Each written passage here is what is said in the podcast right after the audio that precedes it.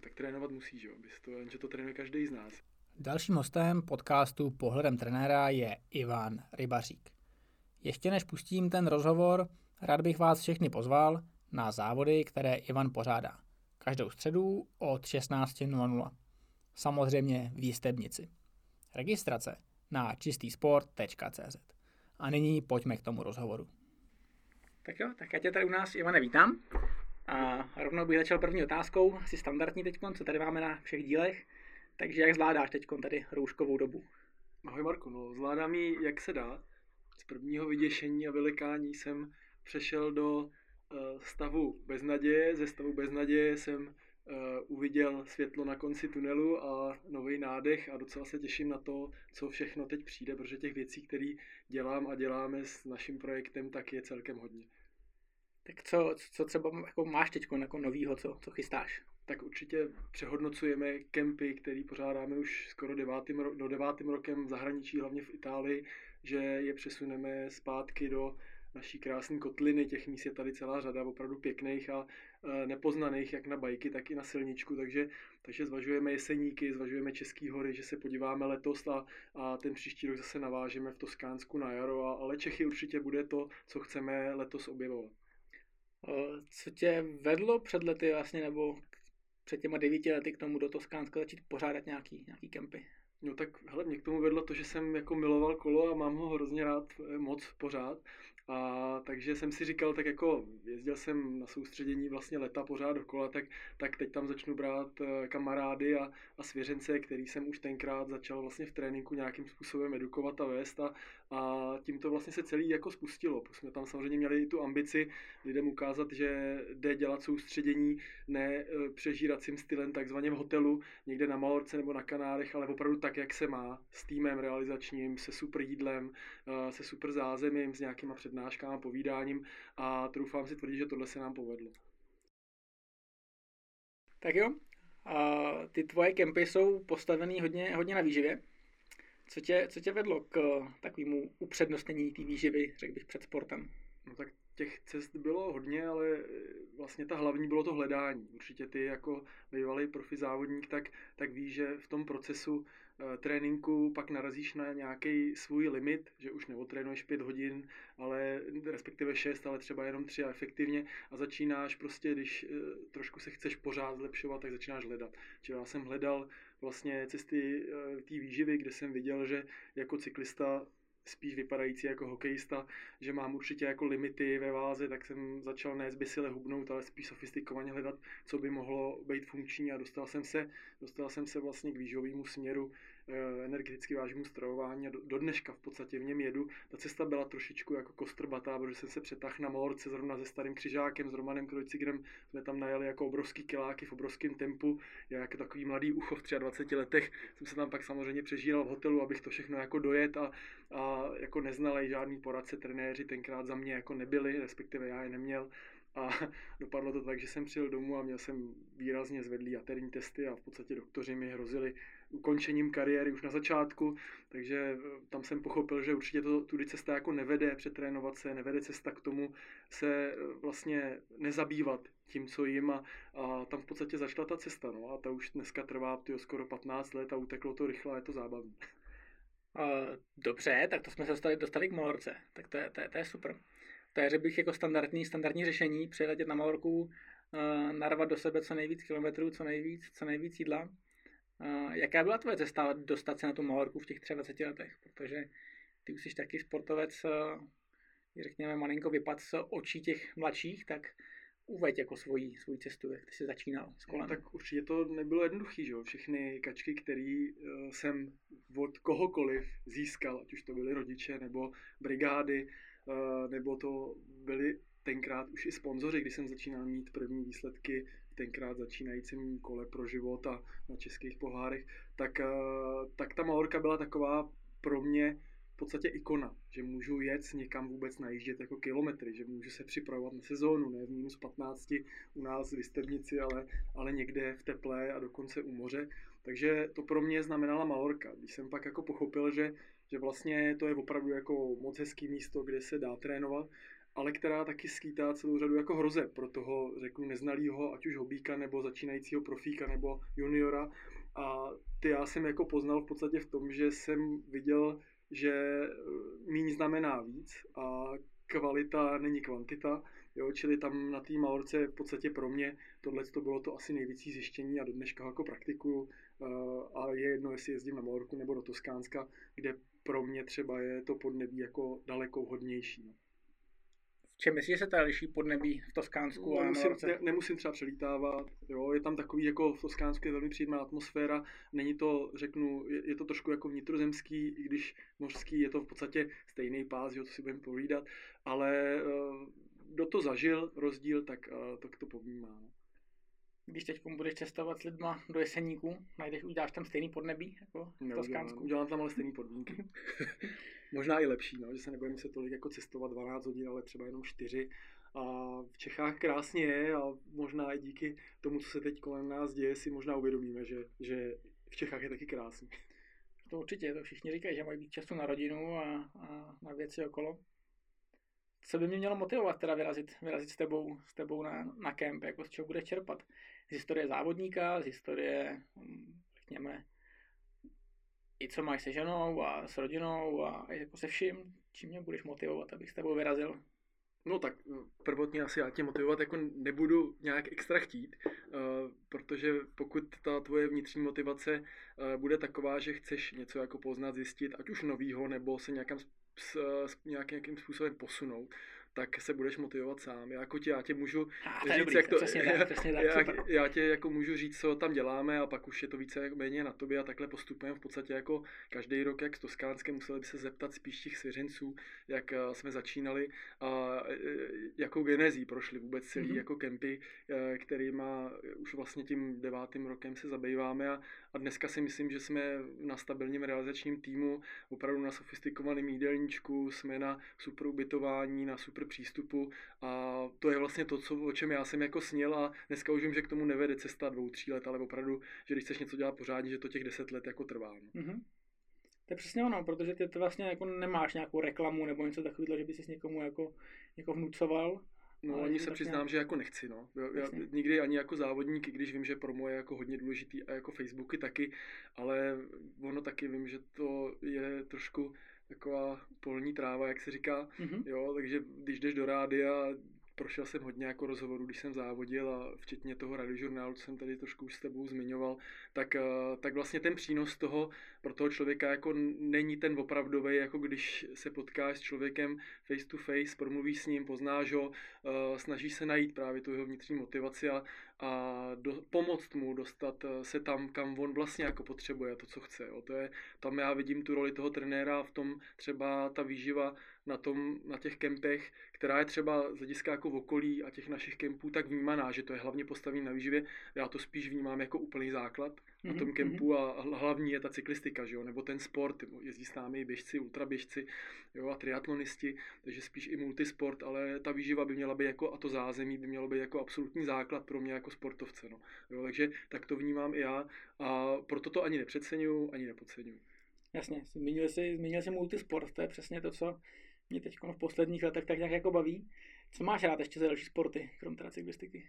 Já miluji hry, trošku mě mrzí, že jako ten cyklista, který se musel zabývat tím, těma 30 hodinama týdně tréninku, že prostě, že, že jsem tohle to minul, protože jsem začínal jako fotbalista, že jo, kluk z vesnice, že jsme kopali do Mičudy a baví mě prakticky jako všechno, co je hra a co, uh-huh. u čeho se můžu jako hýbat jo, a novýho se naučit. Jo, čili od tenisu počínaje po, po hokej, fotbal. Takže ty hry mi jako individuálnímu sportovci hodně chybí a v obdivu triatlon protože se mi to líbí jako komplexní sport, který vlastně rozvíjí fyzickou stránku jako celkově a komplexně. Uh, takže obdivu triatlon a mám moc rád všechny hry. A děláš triatlon? Chodíš, chodíš plavat jako, nebo, nebo běhat? Moc nechodím, mám čtyři děti, holčičky, takže já jsem rád teď, že se dostanu na to kolo. Přes zimu vlastně jenom běhám, protože už se mi nechce jezdit jako Aha, do, jasně. někam do soli, jo, takže jenom vlastně prakticky jako přes zimu běhám a plavat chodím kompenzačně. Jo. Jasně. Jel jsi, jel jsi, a to, to se přiznám, že nevím, nějaký, nějaký závodní triatlony? Jo, tam u nás jako lokální. Nějaký jako větší, většího no, charakteru? Jako? No, většího charakteru určitě jako, jako žák, jako pohár český a mm-hmm. pak mhm. jsem už jako přeskočil do bajku a do, do, do, do silnice, do cyklistiky. A, ale triatlon u nás jako jezdím, že vyplaveš 40. přijedeš na kole první a, a doběhneš 15. takže tohle je můj triatlon, jo, mám pojetí, ale baví mě ta disciplína. Jako no. Jasně, zmínil jsi, že jsi závodil na kole, to je jasný, to asi všichni, všichni vědí. Popověďme se o té výživě a rád bych se potom dostal k tomu, když jsi závodil a žil v Austrálii, a jaký byly, jaká byla výživa a trénink třeba takhle na druhé straně planety, jak bys to jako takhle zpětně, zpětně nám tady přiblížil? No, v Austrálii jsem uviděl tu emoční složku jídla i všeho. Jo. Austrálani jsou e, podle takového toho vzoru take it easy, takový všechno jako na pohodu, moc to neřeš, jo, všechno jako Eh, výživu tam jako příliš jako neřeší, jo, protože oni vlastně říkají, že všechno mají organik, jo, takže mm-hmm. oni moc jako neřeší nějaký jako skladby. Na druhou stranu jí ve směs jako dobře, jí lokálně a, a jí jako fajn. A samozřejmě grilovačky australský, kdo tam byl, tak ví, o čem jako mluvím, že to je národní sport jejich a, a že mají jako že mají v podstatě strukturu toho, kdo může grilovat, takže otec griluje rodiny a jeho syn může mu jako u toho pomáhat, matka maximálně připravuje, že tam je to, kdo zažil jako australskou rodinu, tak je to takový, že tohle je pro mě bylo jako zjištění, ale ta emoční složka, abych se k tomu vrátil, jídla je právě to, co se, jsem nevěděl. Když jsem závodil, tak jsem přeceňoval, jakože když si dám opravdu hodně zdravý jídlo, že se zlepším o 10%, ale hodně lidí právě to pak stáhne, já jsem to zažil samozřejmě taky, do takového toho přemýšlení o jídla, vážení si jídla a vůbec takového toho až jako upjatého pojetí. Mm-hmm. Čili tam, tam pak jako v Austrálii jsem viděl, hele, tak to moc jako neřeš, jo, jenom to prostě dělej. Jo, a to, to mě jako zaujalo, to jsem si asi odsaď odvez, eh, včetně dalších x nápadů, v Austrálii vznikl třeba nápad eh, myšlenky čistého sportu, že prostě budeme propagovat to eh, takový to správný pojetí sportu, aspoň mým podání, jo, a tím nechci nikoho urazit. Jasně, v tom se jako hrozně, hrozně shodujeme. Mně se ten tvůj koncept jako, jako hrozně líbí, což je ve finále důvod, proč jsme tak nějak asi v kontaktu. A jak teda budeš dělat grilování u sebe doma, když máš, když máš doma jenom holky samý? Jo, a normálně kdo ti pomáhá. Jako, samozřejmě sám všechno, musíš sám, že? ty to víš moc dobře, jo. Takže, uh, no tak si zvolíš samozřejmě toho, kdo je nejšikovnější a, a ne grilujem jako celá rodina, takže, takže grilování vypadá úplně jako běžně, jak u každý jiný grilovačky. Akorát tam je trošičku víc jako rostlinných vstupů. No. Jasně. Když jsi, když jsi závodil třeba na, na Crocodile Trophy, takhle v Austrálii, uh, taky probíhaly grilovačky mezi etapama, nebo? No hele, my jsme tam měli zase celkem fajn realizační tým, uh, Ondra Slezák s Hankou Kosíkovou, který v Austrálii dlouho žijou, tak já jsem v podstatě měl uh, tu radost a česty jako naučit uh, určitý věci kolem jako výživy a oni tam dneska mají jako nádhernou kavárnu a vaří pro tam prostovky lidí v jedné části Sydney a, a Hanka nám tam dělala support na krokodilu. Mm-hmm. Bylo tam úžasné vidět čtvrtý, pátý den etapy, jak se začínají prolínat ty rozdíly tím, že když opravdu se večer nafutruješ hromadou věcí a je ti jedno, co hlavně, abys neměl hlad. A když se nafutruješ něčím, co celkem dává smysl, odlehčí ti, třeba tě malinko schladí strava a tak dále, tak pak uh, čtvrtý, pátý den necítíš tolik únavu. Jo. Ten, uh, ten organismus se ti za to jako hodně odděčí a to tam bylo super. Čili my na Krokodilu jsme rozhodně přistupovali k tomu jako profi a i tak jsme jedli. Čili Hanka nám chystala i hned po, i hned po etapě, dostala regenér, kvalitní alkalickou vodu, první, druhou večeři, spíš rostlinný stupy než živočišný, maximálně nějaký jako lehký ryby na vodě, vajíčko. Jo, opravdu, že, že ta, ten jídelníček byl poskládaný, troufám si tvrdit, jako velmi dobře a e, taky to k tomu jako vypadalo. Jo? Ten pátý, šestý den většinou už ty únavové rozdíly se hodně začínají jako projevovat, zvláště v etapách, kde je obrovský vedro a makáš tam na Prahu a nerobním někde kolem 4-5 hodin denně, tak, tak tam to začínáš už hodně cítit. No. Takže tam musíš žil trošku jinak, než na té maloroce v těch 23. A, asi tak, no. sebe Tam jsme spotřebovali sežrat co nejvíc krevet a, jo, a k co nejvíc croissantů, i když nás na to zrovna ten uh, starý Roman hodně upozorňoval, že nemůžeš být takhle tlustý a závodit. jo, taková ta klasická cyklistická věta. No. Jasně. A takže co, co jste teda snídal takhle v Austrálii, nebo, nebo jak se stravoval úplně konkrétně? Hele, většinou, většinou obyčejná obilná kaše, uh, na rostlinné bázi.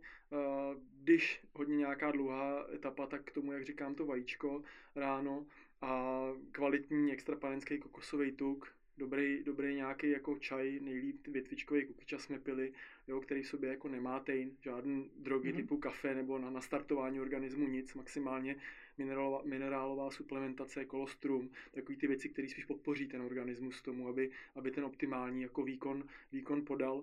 A takhle jsme jako fungovali. Takže jak říkám, bylná kaše, extrapalnický kokosový tuk, vajíčko k snídani a nějakou zeleninu lehkou a trada do, do etapy, samozřejmě připravený sváči, e, náš receptura našeho energetického gelu, který si jako vyrábím na bázi bio rýžového syrupu a nějakých jako bylinných složek, takže to víceméně jako bylo to gro toho a může se ti to zdát paradoxně málo, ale úplně to stačí. Uh, jasně, tak pojďme už teda k těm konkrétním věcem, k tomu, k tomu stravování. Jak se ty jako, uh, že bych, že bych tě charakterizoval jako člověka, co se zabývá jako zdravou výživou, ale jako uh, stavíš k různým dietám, ať už, ať už nějaká třeba, jako že to rozkouskuješ právě jako vysokosacharidová, nízkosacharidová, nebo naopak třeba až extrém jako keto dieta, nebo naopak nějaký půsty a takovéhle věci? Mm, no tak jakoby na, na stravu je dobrý se dívat z mýho pohledu jako na komplex. Čili jakýkoliv, jakýkoliv vychýlení do jakýhokoliv extrému musí dávat smysl.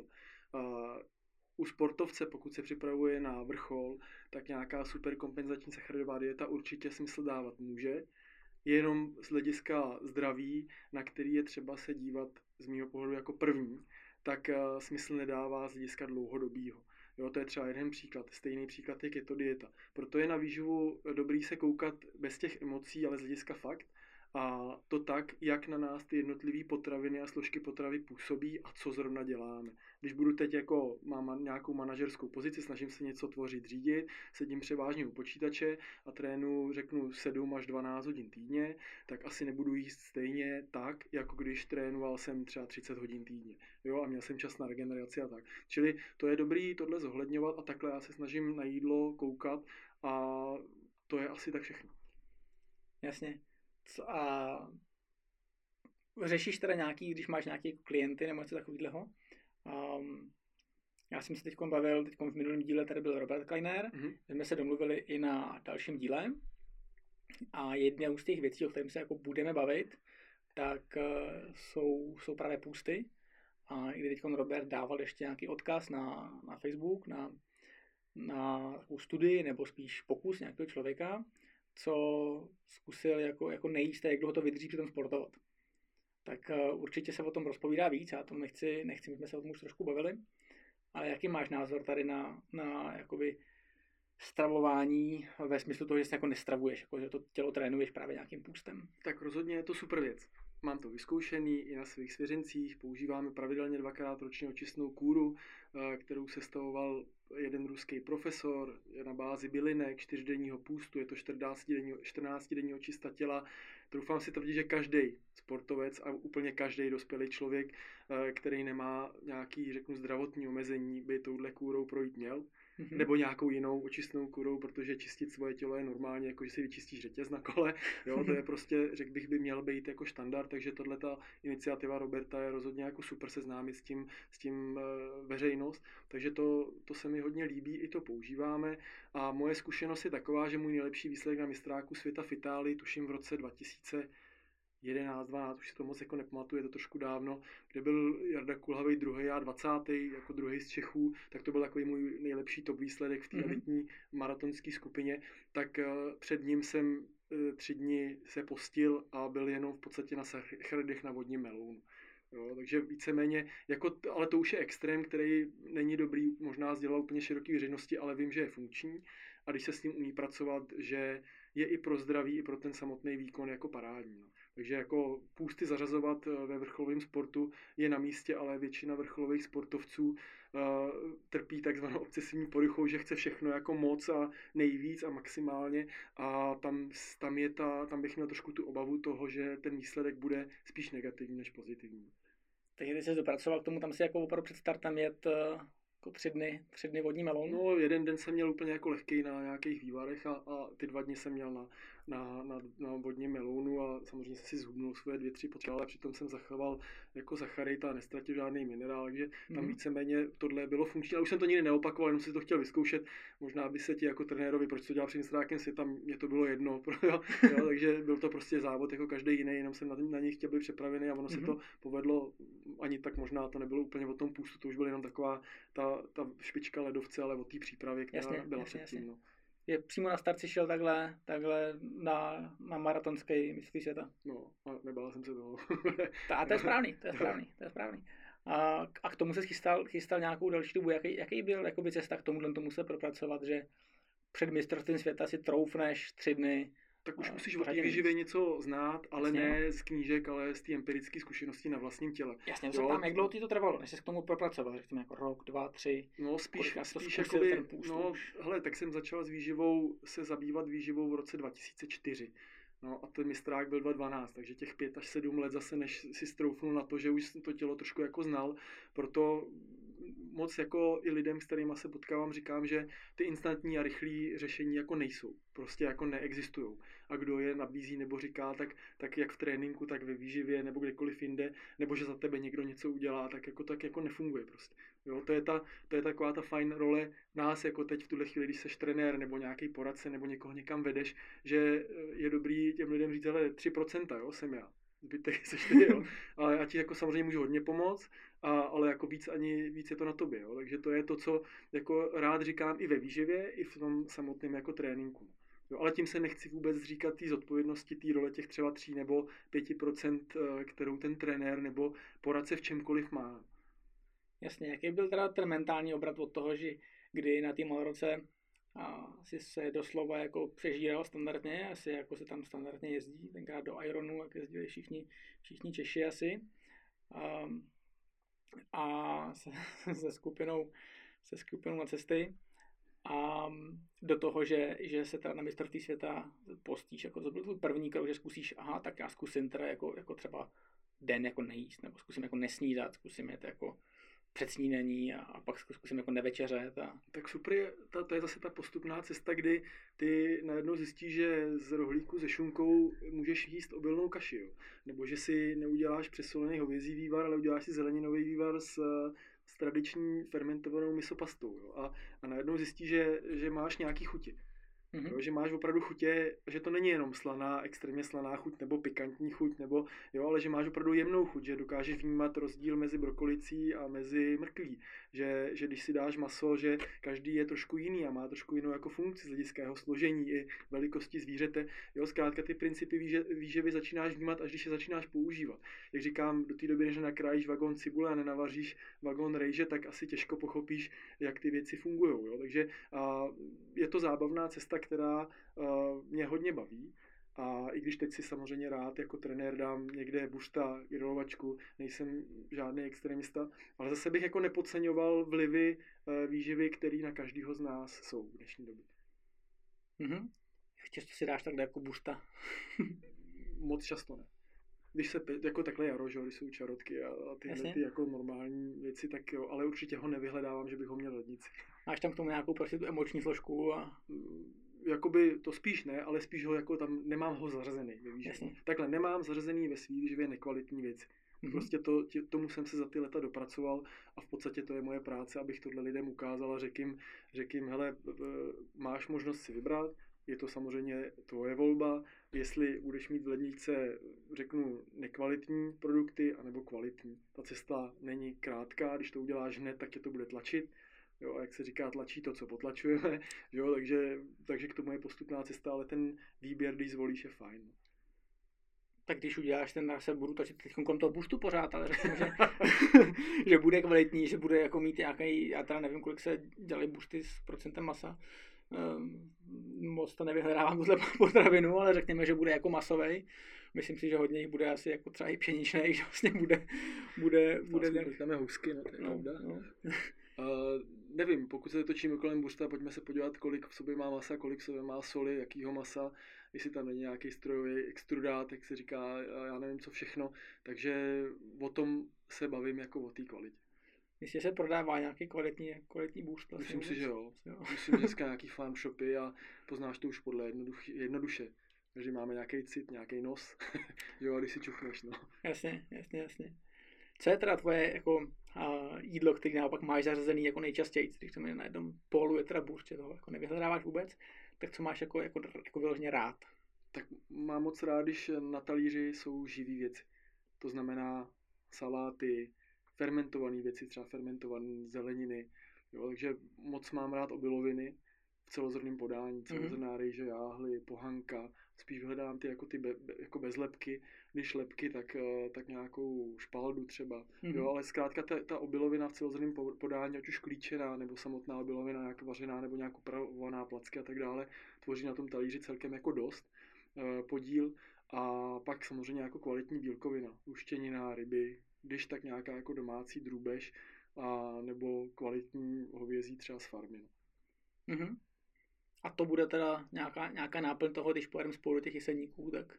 Mm, tak tam budeš mít kuchaře, a nebo když jezdím s běžcema a vařím sám, tak tam budeš mít denně na talíři nějakou kvalitní kaši, která tě nezatíží, ale zasytí. Pak budeš mít nějaký regener domácí udělaný, většinou na bázi zase ať už klíčených směsí, nějakého kvalitního sacharidu a nějaký živý složky typu freše. A pak tomu říkáš, tomu říkáš regener. Regener, ano, ano. Jo, jako víceméně sacharidák by se dalo říct, jo. V tom je nějaký rostlinný protein.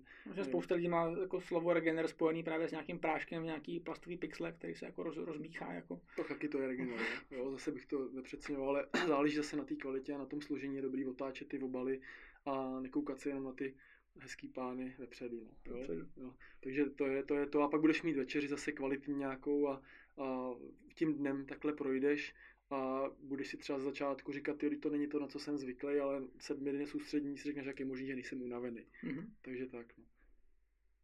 Co máš v plánu do budoucna? Máš nějaký jako směry výživový, který bys chtěl ještě prostudovat, vyzkoušet? Nebo... Hele, zajímá mě také to dieta, která dneska mm-hmm. je hodně funkční. Zajímá mě uh, RO dieta, mm-hmm ale vlastně mě to spíš zajímá jako ta empirická zkušenost, ale z hlediska, když si něco člověk přečte o biochemii, o působení, tak jakýkoliv vytržení z kontextu komplexní výživy moc smysl nedává. Z dlouhodobého hlediska. Třeba rodieta na měsíc v létě je úplně úžasný. Máš dost tepla, Jasně. takže živá složka krásně vyčistí se, jako proč ne, že jo? Úplně jako paráda. Stejně jako keto dieta, když potřebuješ si připravit nějaký silový výkon, taky jako chvilku, jo. Ale zase otázka je pojetí keto dieta, která by měla být a keto dieta, která se třeba propaguje na některých směrech, který vidím, jo? že tam mm. vidíš právě ty nekvalitní, hodně slané věci, hodně masa, hodně věcí, které jako nejsou tam, přitom tam chybí jako kvalitní uštěnina nebo opravdu nesolený maso na vodě, k tomu avokádo a tak dále, a tak dále, že, že víceméně jako každá věc se dá dělat jako na sto způsobů jinak a je dobrý si vybrat tu, která ti nejvíc jako sedí. Jo. Jo. Takže Jsi zmínil poměrně, poměrně uh, vlastně ty, ty obilné výrobky, to by ti s tou keto dietou asi úplně, úplně nefungovalo. Tam určitě nefungovalo. Dost, do, do, do, do, do, dost sacharidů. sacharidů přesně. Zkusíš to nějakým způsobem teda tu keto dietu? Asi ne. Asi jako ne. nějak jako, že bych extrémně jako zkusím jako pár dní, ale že bych nějak chtěl jako zažít eh, to, to mm-hmm. určitě jako ne ani ty bílkoviny jako moc jako za mě mám jakoby postavení tělesné, co mi narodili pán Bůh, jako nemám pocit, že bych jako potřeboval a, a několik let jsem byl vegan a nestratil jsem na svalech ani kilo, jo, změřeno na váze v laborce a měl jsem perfektní krev, takže já vím, že i, i veganský pojetí, nebo respektive pojetí energeticky vážného stravování jde dělat vrcholový sport při zachování plného zdraví, což mi přijde jako velmi fajn protože ono o tom Jasně. zdraví je, je dobrý jako mluvit u sportu, protože já jsem pochopil, že neznám moc zdravých sportovců. jo, že by, víš, když se dělá vrcholový mhm, mhm. sport, že by, uh, jakoby, když by kompenzoval jídlem, tak by jo. dokázali vydržet třeba díl, neměli by problémy se zádama, se šlachama, já nevím s čím, jako co, co dneska sportuje všechno jako mm-hmm. prožije, ale, ale dostávají se mi jako do rukou uh, i vrcholoví sportovci, i sportovci, kteří jsou úplně hobby ale málo kdo z nich e, mi říká, že je plně zdrav, nebo nemá nějaký problém. Jasně. No jo, s tím roz, rozhodně souhlasím. Máš nějaký úplně třeba, řekněme, anonymizovaný příklad nějakého vrcholového sportovce, který si naučil jíst, řekněme, zdravě, že by se, že by se nějak fyzicky jako zlepšil? Uh, ono tam nejde jako mluvit o nějakém skokovém fyzickém zlepšení, ale spíš o tom, že ten člověk si dokáže udržet konstantní výkon při zachování plného zdraví. Čili třeba, že mu odejdou pravidelné výpadky tréninku v podobě mm-hmm. rýmičky nebo dokonce angíny, uh, že, jo, že mu třeba odejdou křeče. Uh, výživa jako samotná ti nezlepší výkon o desítky procent. Prostě to nejde, máme nějakou danost, nějaký limity a ty se posouvají tréninkem, rozrušení adaptačního procesu a tak dále, tak dále, mm-hmm. ale prostě výživa samotná ti má pomoct tomu, aby si fungoval déle a v trošku lépe a při zachování plného zdraví. To je v podstatě do toho projektu, který já se snažím razit. No. Jasně, a ještě k tomu máš tu emoční složku, že tě to vlastně potom baví. Tak nějak jako, že tě to nestresuje to jídlo. Je to spojená nádoba. Když jsi zdravý, cítíš se dobře. Když nejseš Jasně. něco tě tlačí, tak, tak samozřejmě jsi uh, i emočně pak, uh, řekněme, jako nevyvážený. Čím myslíš, že, že lidi tak nějak jako nejvíc řešej, řešej na jídle? Mm, nemyslím si, že by řešili lidi vědomě, ale že jsou do řešení postupem času přivádění podvědomě. Řeknu mm-hmm. to na hezkém příkladu. Ve chvíli, kdy začneš s řádkem čokolády po hlavním jídle, tak ať chceš nebo nechceš, tak dřív nebo později končíš tabulkou. Když eh, začneš pivečkem, tak končíš pěti, šesti. Uh, my ten náš jazyk, řekněme, dává do mozku jenom impulzy, jenom signály a my jsme lidi a máme tendence je mít čím dál tím intenzivnější a prohlubující se. Ten, eh, řeknu, nějaký řád a pořádek nám, jako respektive většině moc jako nepatří, ale ten, mhm. kdo zvládne dostat, řeknu, eh, tyhle věci pod kontrolu a dostane se do nějakého pásma zdraví a z těch extrémů moc jako nevyužívá, tak pak dokáže jako i vnímat tohleto, jo, že, že, to je, že funkční, že to je funkční. Takže myslíš, že lepší tu čokoládu jako vůbec eh, neotvírat, než, než si dát prostě jako jeden kousíček? Protože...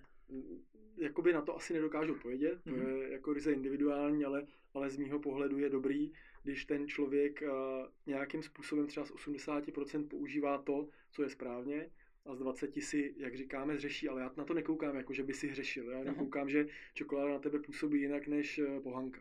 Jasně, jasně, a, a je mi úplně vlastně jako, přiznám se, že mi to je úplně jako jedno, že to mám na emoční rovině, o který jsi tady mluvil úplně jako stejně. Mm-hmm. Pohankuji čokoládu, je to jenom potravina, akorát tahle je z něčeho vyrobená, z několika složek a pohanka je čistá obilovina, takže na nás jasně. nějak působí v tom organismu. Mm-hmm. Užiješ si stejně tabulku pohanky, stejně jako tabulku čokolády? Mm, já rozhodně. Tak to, to, to, to, to, já, to, já čokoládu tolik úplně, úplně nemusím třeba. Mám, mám kamarádku, která je schopná si tu tabulku čokolády rozmí, rozkouskovat jako na měsíc, jako, že jde prostě jako má, má, v sobě takovou kontrolu, jako že si dá opravdu kostičku a zabalí to do toho alobalu a, a vyndá to zase za 14 dní ten, ten druhý kousek. Ale asi má třeba nějakou jako jiný, jinou věc, ne, kde tu kontrolu nemá, že jo? Přesně je nějaká potravina, na který, který bereš ty, jakože, že k ní máš nějakou, nějakou řekně, chuťovou vazbu, že bys si to dal, ale nechceš si to dávat? Je to cukr zrovna. Jako cukr je hodně i ve vrcholovém sportu obecně možná e, věc, která je hodně podceňovaná a úplně se o ní jako nemluví, ale jednoduchý cukr, řeknu v podobě fruktózy, glukózy nebo nějakých směsí těchto dvou cukrů, tak který jsou vlastně obsažení ve většině potravin, kterými mm-hmm. do sebe dneska dáváme a nakupujeme si je, tak, eh, tak tam já vidím tu hlavní hrozbu. I pro regeneraci, i pro vrcholový sport. Jsou na to studie, jsou na to empirické zkušenosti. Ve chvíli, kdy ten obyčejný cukr vyřadíš a dokážeš si v eh, cukru a v jeho užívání udělat pořádek v sobě, tak se stanou až neuvěřitelné věci. Takže vlastně jo. to je to, na co já se koukám, když se koukám jako na stravu a to, co se snažím do sebe dávat a nedávat. Jo? Že, že, že jsou to působení. Jo, mm-hmm. A mhm. zrovna cukr je v tomhle podobně jako sůl, teda, jo, když je v extrémním podání, akorát je samozřejmě jako jiný působení, tak ten cukr bych eh, se na něj zaměřil, obzvláště třeba v tréninkovém procesu mladých lidí, a, ale vlastně všech. Jo, protože chvíli, kdy toho cukru je tam moc, uh, jednoduchýho, ale i toho, i toho polysacharidu podle třeba obilovin, když aha, moc, tak to aha. úplně není jako OK. Jo. Zkrátka zase nějaká vyváženost, správný poměr a nazdar. Jasně, to už se tak nějak jako nese, nese vlastně všema těma dílama toho podcastu, co tady mám. Měl jsem tady Jirku Kaloče, se kterým jsme rozebírali jako periodizovanou nutrici, kdy uh, jsme se spolu bavili vlastně i na cyklokongresu, uh, kdy on přivedl jako myšlenku low carbu. na kterém já prakticky jedu, protože pro mě to je pohodlný třeba. A takže třeba, když tady mluvíš o, o glukóze, fruktóze, taky pomeranč třeba, tak žiješ jako zdravě, pomeranč dobrý, takže to je pomeranč je to, na co si dáváš jako pozor, aby si jako... Mm, večer jo. Jasně. Po tréninku není problém vůbec. Naopak, mm-hmm. abych rychle zregeneroval, nastartoval proces, tak to není vůbec problém nějaký fresh typu. V zimě určitě ne, protože pomeranč má hodně draslíku a výrazně schlazuje, stejně jako citrusy a další jako plodiny, které k nám jdou z tropů. Mm-hmm. Takže, takže na to si spíš dávám pozor a, a to je asi tak jako všechno. No. Takže jedeš teda vlastně hodně i sezónní stravu, že prostě přes zimu si dáš tak jako jabko a, mm-hmm. a nebo ještě nějaký jiný ovoce? se bavíme o tom, o tom sladkém. No, tak určitě jabko, hruška, jakýkoliv jako blumy, dneska už k dostání vlastně v tom krámu všechno a v tom je trošku vidím Eh, tu zradu na nás jako na běžný spotřebitele, že ty si můžeš jo. koupit v zimě, když je minus 12, si můžeš koupit eh, hrst banánů, který jsou zralý a Aha. do toho si dáš kivy a, a pak je divný, že máš čtyřikrát za zimu chřipku, jo? nebo uh-huh. nějakou prostě rýmičku. Takže to v tomhle vidím trošku jako hrozbu. Na druhou stranu ten sportovec je takový na stroj a v tom metabolismu se dějou takové věci, že jemu to jako neublíží, protože ten jeho metabolismus funguje roztočený furt, jo? ta energie tam jako běží, čili on to spálí. Jak říkám, sportovec přepálí hřebíky, je úplně jedno jako co jí, ale je otázka, jak dlouho mu to vydrží. A jaký to bude mít ty následky. Jaký to bude mít ty následky. Jo. Tak. Uh, vidíš teda jako, jako vlastně složitější výživu vlastně nesportovců, řekněme starších lidí, právě lidí, co jako se s tím pomalejším už metabolismem, ne, nebo jako... Nevidím ji složitější, vidím ji jenom jinak zaměřenou. Mm-hmm. Jo? Ono, u sportovce by se mělo opravdu přistupovat ke sportovci, který má extrém, by se z hlediska extrému mělo přistupovat i ke stravě, aby došlo k nějakému vyvážení a ten proces mohl fungovat jako dlouho. Čili ve chvíli, kdy sportovec opravdu má zatížení řeknu třeba těch 25 hodin týdně a do toho má v tom zatížení daný složku jak silovou, tak vytrvalostní nebo nějakou dynamickou rychlostní, tak k tomu by měla i ta strava jako odpovídat. Jo. Ale ve chvíli, kdy mu to tam dáš jako do extrému extrém, typu, že on si dá silový trénink a toho navalí prostě tunu uzenin, tak samozřejmě mu to je jedno, protože on to spálí, ten mm-hmm. metabolismus, ale otázkou je, co to ten metabolismus stojí. Jo, a co to stojí za nějaký rezervy a jak vyživil živou složkou, jestli má dost eh, enzymů, třeba mm-hmm. jestli má dost minerálové složky v té potravě a tak dále, a tak dále. Jo, ono to je jako na nějaký pitvání, nejsme biochemici, ale eh, ta empirická zkušenost tomhle jako je super. Jo. Jo, už třeba křeče, který má celá řada jako sportovců. Jo, když nejsou tím, že máš nějaký svalý disbalance a nejseš protažený, mm. a mhm. tak většinou jsou jako výživě. Že? To palivo je úplně jasný, ale prostě je podceňovaný z mého pohledu jako určitě. Jo, když vidím, že některý trenéři, s kterými se bavil, tak nad, nad výživou dětí mávnou rukou a teď je to jedno, co jí a dáme jim monťák, v pohodě. Aha. Jo, teď prostě taky jsme byli malí, tak, je, tak to jako není prostě. V dnešní době to tak není. Eh, dřív kvalita byla v potravě, dneska nemám úplně pocit, že by na trhu našel jako velmi kvalitní produkty. Musíš je hledat. Musíš hledat. Musíš je hledat a najdeš je. Lidi jsou, kteří furt chtějí vyrábět kvalitní věci. Jo, I v té sportovní výživě jsou kvalitní věci, ale pak jsou tam také jako samozřejmě tržní věci, které kvalitní jako rozhodně nejsou a naopak uh, nepatří vůbec do pusy někoho jako jedince, který sportuje a vyvíjí se, čili dětí anebo nějakých mládežnických kategorií. Co myslíš, že třeba nepatří vůbec takhle do pusy? Jonťák. Z mého pohledu jonťák, který je sestavený podle nějaký univerzální receptury, je navíc v koncentrátu, tak absolutně nepatří prostě do denního příjmu mm-hmm. sportovce, který má nějakou cestu do juniorské kategorie. Nebo dokonce mládežníka, dítěte. Uh-huh. Není prostě potřeba. Stačí jako obyčejný kvalitní nějaký belinkový čaj s medem, s kapkou mm-hmm, citronu. Jo. Minerály se doplní v dobrém jídle. Jak říkám, jo, ono, dneska jsme se naučili v, tom, v těch věcech jako vidět uh, obrovské jako složitosti, všechno pitvat ale když si rozpitváš tu zmiňovanou pohanku, nebo to obilný zrno, nebo brokolici, nebo já nevím co, tak eh, nebo jenom obyčejný kvašený zelí kysaný, mm-hmm. tak tu máš tolik enzymů a vitamínu C, že ti to stačí jako antioxidační složka třeba. Jo? Takže vidět věci jednoduše by bylo i ve výživě krásné. Hmm, to, to, to, to, přesně teď to, to, to je hezký, to si, to, to si hezký ten jonťák, to je krásný, že bych docela jako kontroverzní názor. A rozhodně s ním teda souhlasím, že rozhodně rozhodně to není to, co by se mělo úplně, úplně, úplně užívat. Ty sportuješ na vodu. Já používám mírně alkalickou vodu, buď z ionizátoru, nebo si do něj dávám takový jako prášek z korálu, abych tam měl jako organický vápník a mm-hmm. abych prostě ten proces regenerace nastartoval a, a měl jsem minerálovou složku v těle. o to se snažím. Takže ty koralové útesy, co mizejí u Austrálie, to tak, je to, moje práce. To je tvoje práce. tak dobrý, tak sice, sice nejí Jonťák, ale zničil nám tady korálový útesy. ne, tak to není ono, to je, to je trošku jako jiný korál, Aha. no, respektive je to ten organický korál, už je dávno jako odumřelej, to Mhm. mm-hmm. se válí jako tuny eh, všude v mořích, takže nebo všude ne, ale třeba Všude ne. v Japonsku. Jo. Jo, takže to, se, to, se, to, to Mhm. jsem vůbec nevěděl, že se dá. Je to třeba jako Super. start regenerace, úplně jako úžasný. Mhm. Dneska, dneska se startuje regenerace, jak jsme se bavili o těch gainerech, všichni se jdou hned jako najíst, aby splnili sacharidový okno, ale, ale přitom jako neznám moc lidí, kteří by si bezprostředně po ukončení tréninku vypili kvalitní alkalickou sklenici jako vody. Mhm. Aby vůbec měl v čem ty složky, které pak do sebe na, nahustí jako plavat, aby se měli kde rozpustit, aby se měli kam donést. Jo. Mhm. Voda je, no, my jsme z 75% tvoření vodou, ta voda to někam jako musí donést, jo. jo. Krevní plazma a tak dále. Ono to je opravdu jednoduchý, když se tím člověk začne jako trošku zabývat. No. Aha. Tak jo, tak to bylo, to bylo super. Já myslím, že bychom s tímhle mohli, mohli ukončit s, korá, s korálem, že uh, to bylo krásné popovídání. Já budu hrozně doufat, že se určitě potkáme nad nějakým třeba dalším, hlubším popovídání. A hrozně doufám, že eh, stejně jako je cílem, cílem, co mám na blogu a tak, že lidi začnou na tou výživou trošinku víc přemýšlet. To taky doufám, Marku, díky za prostor a přeju všem posluchačům hodně štěstí a ať vám to šlape, běhá a jste zdraví.